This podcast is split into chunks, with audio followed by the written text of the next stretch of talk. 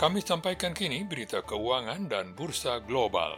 Indeks Dow Jones di New York naik 151 poin ditutup pada 26.022. Indeks Standard Poor 500 naik 20,5 poin ditutup pada 3.118 dan indeks Nasdaq naik 110 poin ditutup pada 10.056. Di Asia, indeks Dow turun 10,8 poin, ditutup pada 3.133. Indeks Nikkei turun 41,5 poin, ditutup pada 22.437. Dan indeks Hang Seng di Hong Kong juga turun 132 poin, ditutup pada 24.511. Di London, indeks Financial Times turun 47,9 poin ditutup pada 6.244.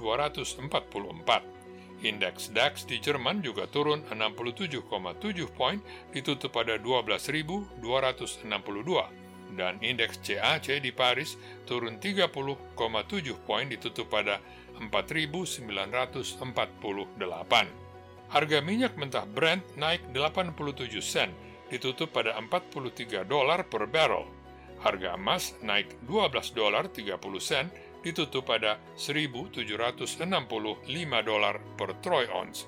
Dan harga tembaga naik 3 sen ditutup pada 2 dolar 65 sen per pon. Coklat harganya naik 18 dolar ditutup pada 2.270 dolar per ton. Harga kopi naik 2 sen ditutup pada 98 sen per pon.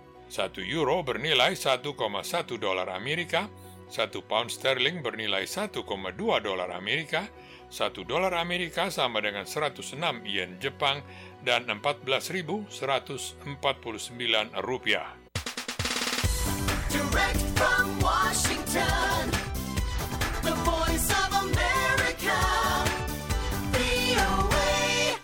Pemerintah Jerman hari Senin berusaha menyelamatkan rencana pemberian dana talangan bernilai 10,1 miliar dolar kepada perusahaan penerbangan Lufthansa yang terdampak kerugian karena perebakan virus corona.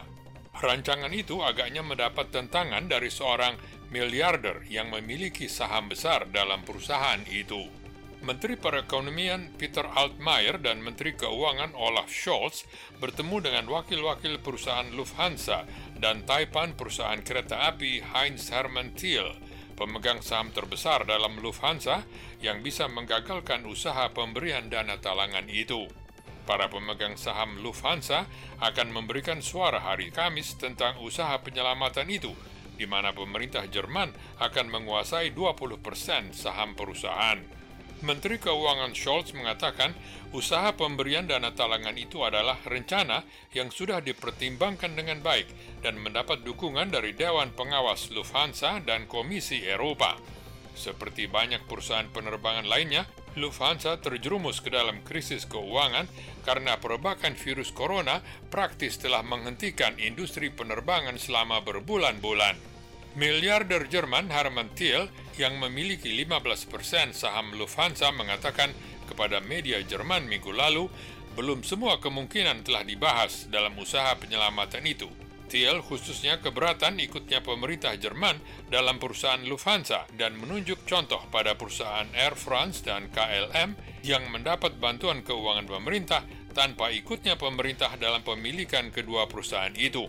Sementara itu, kota Roma baru saja melonggarkan peraturan karantina dan kini tampak dipenuhi oleh skuter listrik karena banyak orang berusaha menghindari penggunaan alat angkutan umum seperti bis dan kereta api untuk mencegah penularan virus corona. Akhir minggu lalu, pengguna skuter listrik itu, kebanyakan orang muda, tampak berseliweran di pusat kota Roma dan di jalan utama menuju Colosseum dan di sekitar Piazza Venezia.